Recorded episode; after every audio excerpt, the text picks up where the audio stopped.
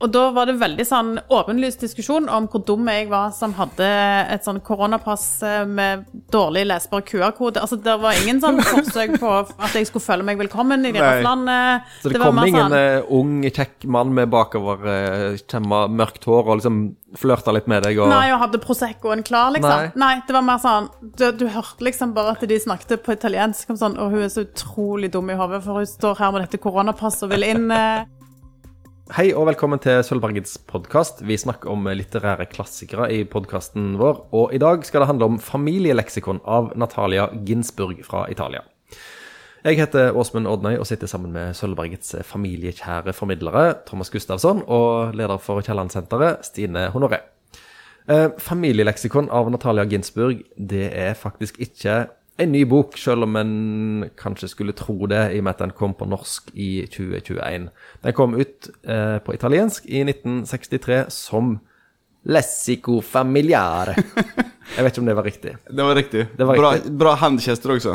Ja. Jeg har jo nettopp vært på ferie i. Italia, Ja! så jeg syns at du eh, sa det på sikkert helt rett måte. Jeg hadde litt for lave skuldre. Du burde hatt det mer sånn Nettopp som i under coviden. Om jeg har vært i Italia under covid? Ja, du hadde nettopp vært på ferie i Ja. Italia. Eh, ja. Herregud. Ok. Uh, Høyrisikopodkasten om eh, litterære klassikere er det du hører på. Og um, først av alt, eh, Thomas, familieleksikon. Ja. Uh, er det et oppslagsverk, eller hva slags type bok er dette? Eh, Det er jo um, Det er jo på en måte det. Altså, uh, det er en erklært selvbiografisk eh, bok. Det hun selv sier i sitt eget forord, som er veldig, et veldig kort forord på bare noen rader, så skriver hun eh, steder, begivenheter og personer i denne boken er virkelige. Jeg har ikke funnet på noe, og hver gang jeg kom på, sporet inn i mine gamle vaner som romanforfatter og begynte å dikte, kjente jeg meg tvungen til straks å stryke det oppdiktede. Allting er ekte, og også eh, navnene er ekte. Hun skriver også at eh, hun følte, hver gang hun forsøkte å endre navnet på noen, så følte hun at det ble, ble en løgn, og det var viktig, for navnet til personene var så, en så viktig del av deres personlighet. da. Så det, allting er helt sant, men hun skriver også at hun har, hun har utelatt veldig mye. Hun har skrevet alt, liksom. Og særskilt utelatt mye om seg selv, for hun følte at det var ikke hennes fortelling, men hennes familie sin fortelling. Men samtidig skriver hun også at hun mener at man bør forsøke å lese den som en roman.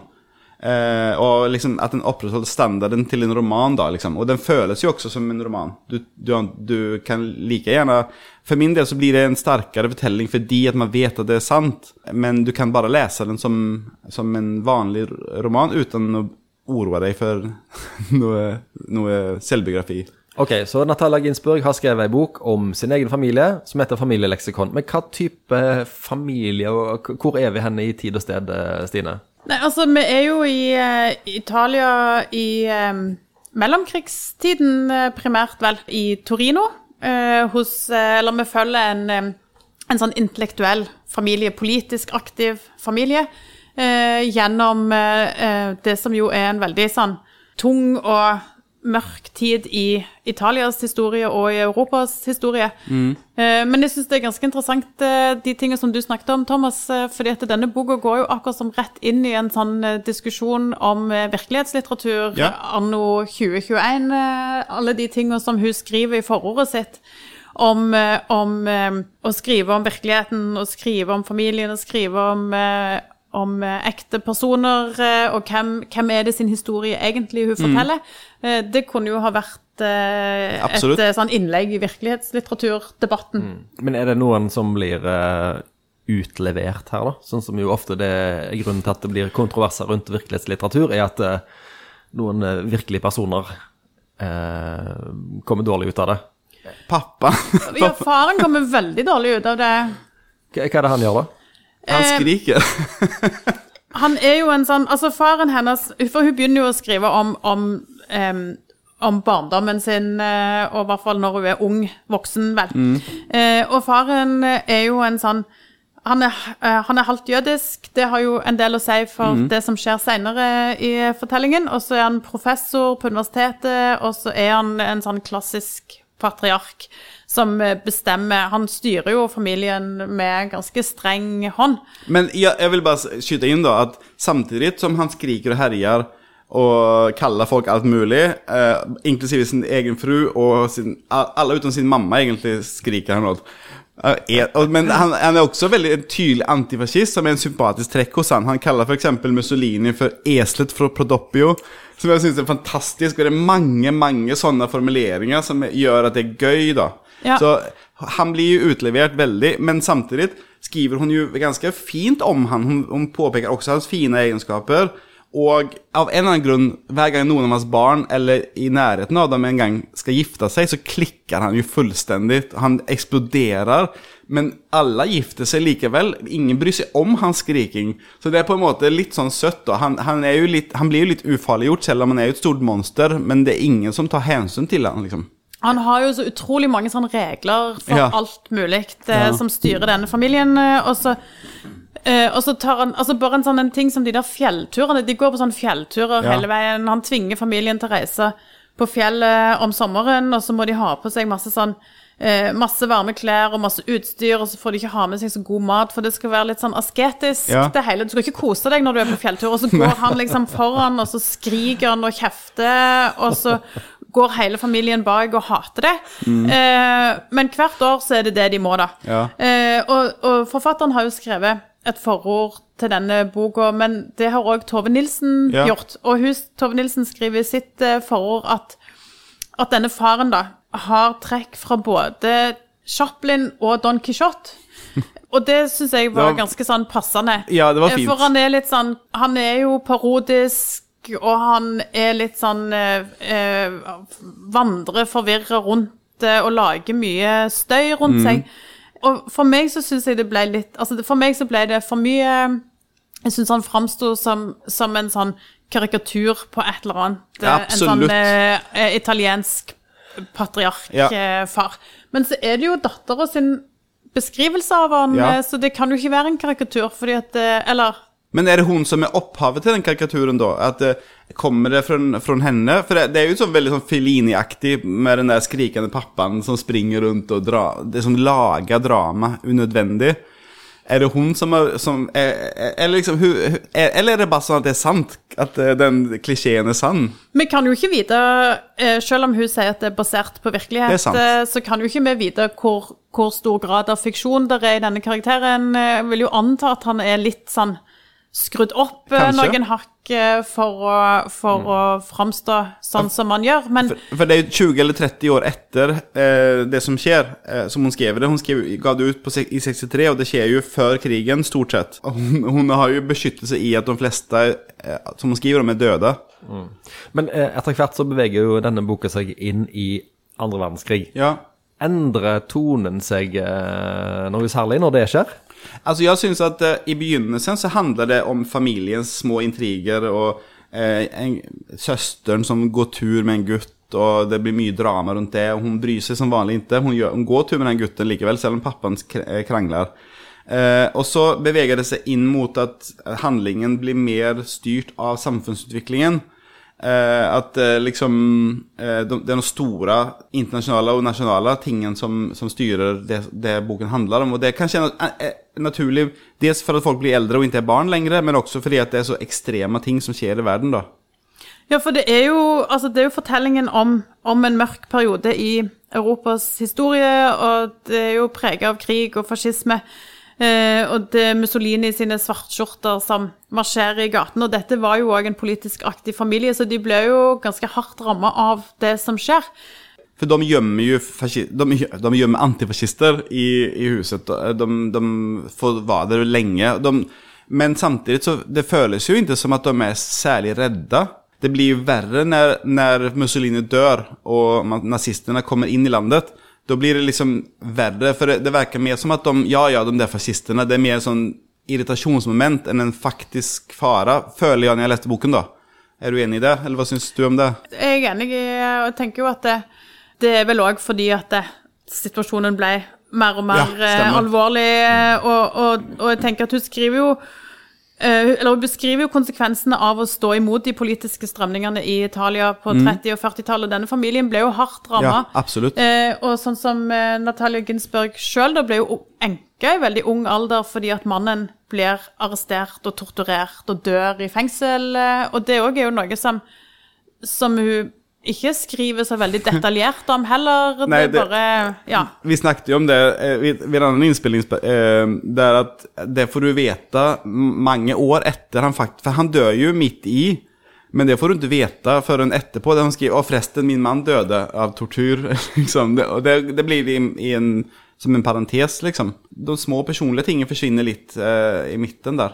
Men, eh, men hun skriver noe veldig fint, da. eh, For hun skriver 'Fascismen stjal forfatterens ord. Nå må de gjenerobres'. Og så tenker jeg at kanskje det er det som er eh, Ginsberg sitt litterære prosjekt, da. Å ta sin egen historie tilbake. For hun skriver jo dette ganske mange år etter at det har skjedd, så Ja. det er vel en sånn måte å, å ta historien tilbake og ta fortellingen om sitt eget liv eh, tilbake fra fra de politiske Eller fra fascismen og fra det som, som skjedde i Italia. Mitt problem med denne boken på en måte er det som står, en sånn blurb som står på framsiden. Og her så står det 'Hvis Ferrante er en venn, er Ginsburg en mentor'. Hilsning The Guardian. Og så tenkte jeg 'Å, wow, jeg elsker jo Ferrante', så jeg, det var derfor jeg leste denne boken. På grunn av det. Og det, det var dumt gjort av dem, fordi jeg ble litt skuffa av den, for den har ingen Jeg føler at Ferrante går mye dypere på det menneskelige. Dette er, jo en mye mer overfladisk bok, syns jeg. Den, den, den gir, det er jo en koselig, eller koselig fortelling, men det er jo en interessant fortelling om et, eh, en tid i Europas eh, historie. Men mens med Ferrante er jo mye mer episk og dypere på det menneskelige psykiske. Så jeg, synes, jeg føler at det er litt lurt med den da. Samme som Jeg husker jeg leste den 'Et helt liv' av Robert Seethaler. Så står det eh, refererer de til Stoner av han John Williams. Og det også blir sånn eh, om, du, om du gjør det bare for å selge boken, så selger du inn på feil premisser. Og jeg syns ikke den Bare fordi det er fra Italien, så har det ingenting med, med Ferrante å gjøre. Ginsburg er jo en av Italias virkelig store forfattere, som, men det, som var ukjent for meg eh, fram Ja. til jeg leste denne boka her, da. Men eh, jeg leste en artikkel i The New Yorker eh, der eh, det ble påstått at grunnen til at denne familieleksikon og andre tekster av Ginsburg har blitt gjenoppdaga, er pga. Ferrante. Og fordi at hun har vært så populær, eh, så har en på en måte tenkt at, eh, at en skal selge andre eh, italienske romaner òg til verden eh, som en sånn del av den Ferrante-feberen, da. Som, Ja eh. Så det er jo litt interessant at du sier at, det, at du ble skuffa på Ja. grunn av det. Ja. Don't, det- fordi- don't push it, som vi sier. Ja, men ikke, ikke fordi at det er en dårlig bok, egentlig. Det er mer at det, det har ingenting med Ferrante å gjøre. Du, det blir liksom sånn, sånn skjult rasisme. på en måte. Det er italiensk, du liker sikkert det også, da. Jeg bare, nei, det, det, det er jo ikke det italienske man liker i boken. Men, eh, men eh, når jeg eh, skulle lese denne boka, så For jeg tenker det er interessant å snakke om sånn forventning versus realitet, da. For jeg liker ikke Ferrante. nei. Og så, for jeg, Hver gang jeg skal lese Ferrante, så tenker jeg eh, å, dette kommer jeg til å elske. Mm. for alle liker jo dette så godt, og det er jo Italia og sånn. Og så blir jeg alltid skuffa, for jeg klarer liksom ikke å bli sugd inn i den eh, verdenen som hun skriver om. Ja.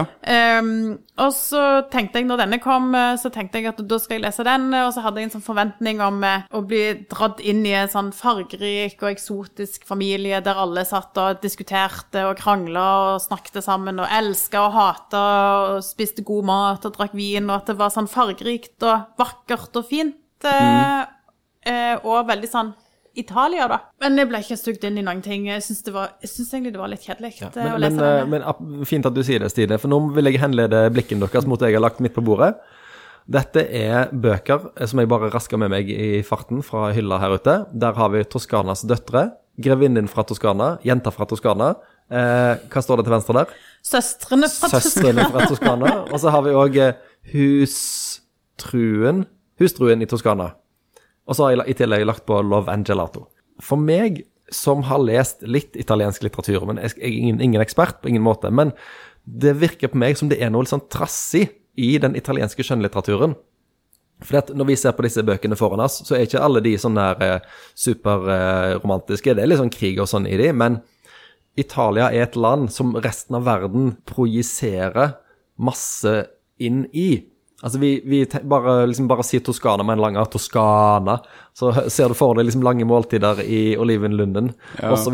Og så har du Eat, Pray, Love, eller hva det heter, Ja. og alle disse komediene med amerikanere som drar til Italia, og det er som kveldssol og rødlig lys til du spyr.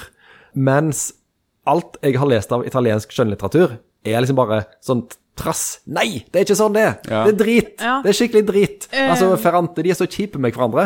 Jeg har lest eh, eh, sånn Primo Levi, eh, Cesare Pavese, eh, Elsa Morante sin tj- kjempetjukke bok 'Historien', som også foregår på samme tid. Um, det, er, det er lite glamour og lite olivenknasking i disse bøkene. Men, men det som jo eh, er litt viktig å presisere her òg, med de bøkene som er 'Søstrene og jenta' og 'Grevinnen' og 'Døtrene og hustruene fra Toskana', eh, det er jo ingen av de som er skrevet av italienere. Nei, det er ingen av de som er skrevet italienere. av eh, noen andre. Ja, for det er jo det du prøver å si, at vi har et bilde av Italia som, som er litt annet enn det som de forfatterne Eh, Sol og sommer. Ja. Eh, Roman, men, romantikk. men nå har jo jeg allerede sagt en gang at jeg nettopp har vært på ferie i Italia. Da kan jeg jo rapportere fra Italia at de er jo litt sure der. Ja. Eh, Min, min onkel er fra Italia. Min onkel er fra Sicilia. Vi har vært der mye. Og de prøvde seg Han kom til Sverige på 70-tallet. Så flyttet de tilbake på 80-90-tallet. Og måtte flytte tilbake til Sverige igjen, for de klarer ikke å leve i det. For det, det er ikke sånn som du tror når du leser Eat, Pray, Love. Jeg har ikke lest den, men det er ikke sånn det er. Det er en grunn til at det er så mørke bøker. Ante er jo stenhårt. Ja. Og for min del så er jeg litt opprørt når alle sier det handler om vakkert kvinnelig vennskap. Det gjør det ikke. Det handler om et samfunn som ikke funker, og de, det er vold og, og mafia som kontrollerer alt, på en måte. De, den der illusjonen Jeg vet ikke hva det kommer fra. Det er veldig interessant. Jeg tror det oppstår kanskje med filmene som kommer tidlig på 60-tallet, med sånn ja, Blipp, blupp, blupp, blupp, blupp. Ja. som er lagt til Italia, og som, hvor det er sol og sommer døgnet rundt, året rundt. For, og, og, og, morsomt at du sa dette med mafia, for at når amerikanerne lager portretterer italiensk mafia, så lager de Gudfaren, Ja. som er liksom sånn de er kule, de har bra biler, de er som dresser. Uh, regissør uh, Francis Ford Coppola sa liksom at han så på dette som, et, uh, som en historie om en konge som hadde tre sønner. sant? Blah. Mens, mens når italienerne lager mafiafilm, så er det liksom sånn Gomorra. Det er, det er bare kjipt og brutalt, og det Ja. er ingenting sånn Marlon Brando og Al Pacino over det. Det er bare undertrykkelse og vold, alt sammen. Kanskje ikke så rart at det, at det skrives så mye sånn trassig, skitten litteratur fra Italia. At de er lei av å bli liksom være hele verdens postkort. Men det var jo derfor jeg leste denne boka, fordi at jeg ville jo eh, Kanskje òg i en tid når vi ikke kan eh, reise så mye, så vil du liksom bare bli mentalt da, transportert til dette landet av gelato, Toskana og god stemning. Da tror jeg du må finne en amerikansk forfatter.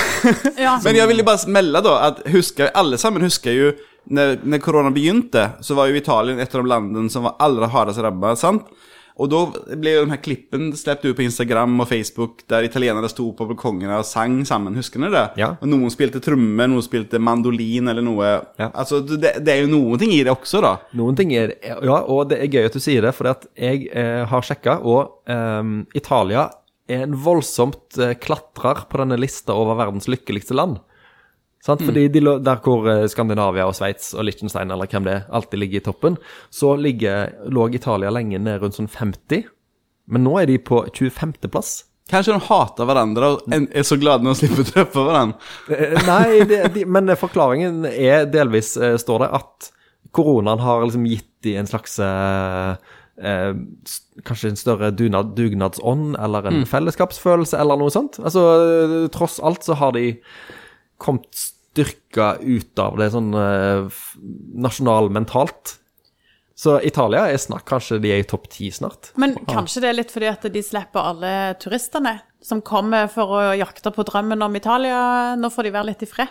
Og som drikker cappuccino på kvelden og sånn, som man ikke får lov til.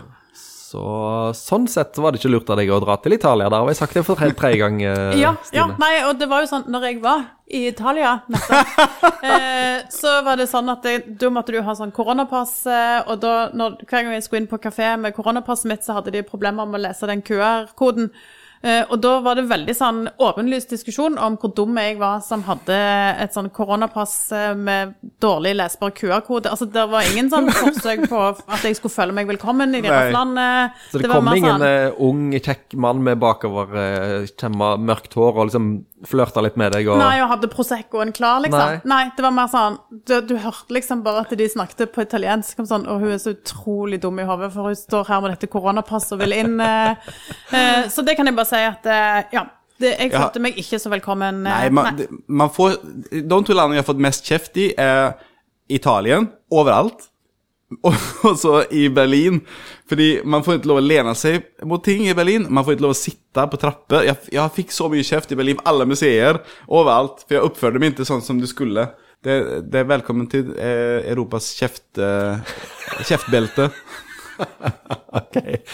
Vi lar det være det. Ehm, les familieleksikon av Natalia Ginsburg, og ikke minst dra til Torino, for det er Italias eh, flotteste by. Er det? Ja. Men kan jeg få lov til å si én ting til før vi slutter? Eh, fordi at eh, nå, nå følte jeg jeg var veldig negativ til denne boka, og egentlig til et land òg, og det var ikke meningen i det hele tatt. Det er jo ikke lov å være. Men, men jeg likte ikke så godt denne boka, men jeg synes han var, han var jo interessant å lese, fordi at du, du får jo et innblikk i, i en historisk epoke som var veldig definerende for, for det landet og for oss andre òg, for Europa. Eh, men men eh, jeg syns jo at hun Natalia Ginsburg virker som en veldig sånn kul dame. da, sant? Hun var veldig sterk.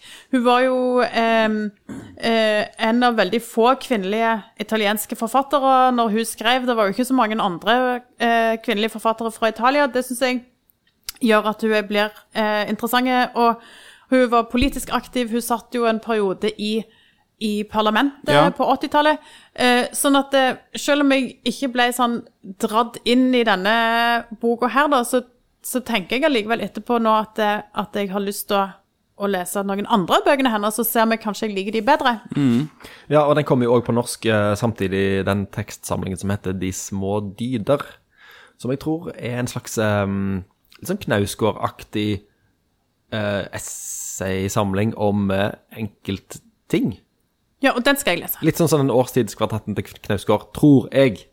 Dette tar jeg veldig i blinde, men eh, det virker sånn ut fra omtalen iallfall. Fint dere kom.